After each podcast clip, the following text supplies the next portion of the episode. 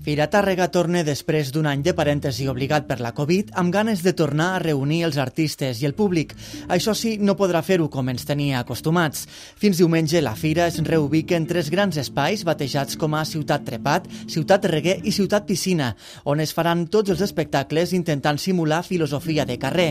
Anna Giribet n'és la directora artística funcionen com uns parcs temàtics. Tu entres amb una entrada i una vegada dintre pots disfrutar de dos, tres espais d'actuació, podràs anar fent veure, et trobaràs sorpreses artístiques que el públic no sap a priori, però que la idea és aquesta de poder simular també l'espontanietat i la sorpresa del carrer. El programa inclou 48 espectacles, 17 dels quals són estrenes i compta amb una forta presència de companyies catalanes. Un any més, els artistes i les companyies fora de programació podran presentar les seves propostes, però ho faran de forma centralitzada al pati de l'Escola Maria Mercè Marçal.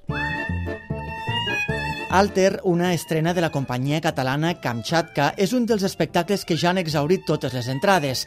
En total, l'organització n'ha posat a la venda 24.000 a uns preus d'entre 2 i 15 euros. La meitat s'adrecen al públic en general i la resta als professionals quan els professionals del sector no arriben al 50% d'ocupació és quan fem traspassament d'entrades cap al públic general. Per això pot ser que a última hora sempre s'alliberen entrades, per això que animem els públics a revisar la nostra pàgina web, a revisar les diferents sessions dels espectacles, perquè pot ser que encara hi hagin moltes entrades a la venda. La primera jornada de fira compta amb noms propis com Alba Serraute i les Ofèlies, Los Galindos i Àngel Duran. A més, a partir d'avui, la plaça Major acollirà cada nit la projecció d'un audiovisual d'homenatge als 40 anys de Fira Tàrrega.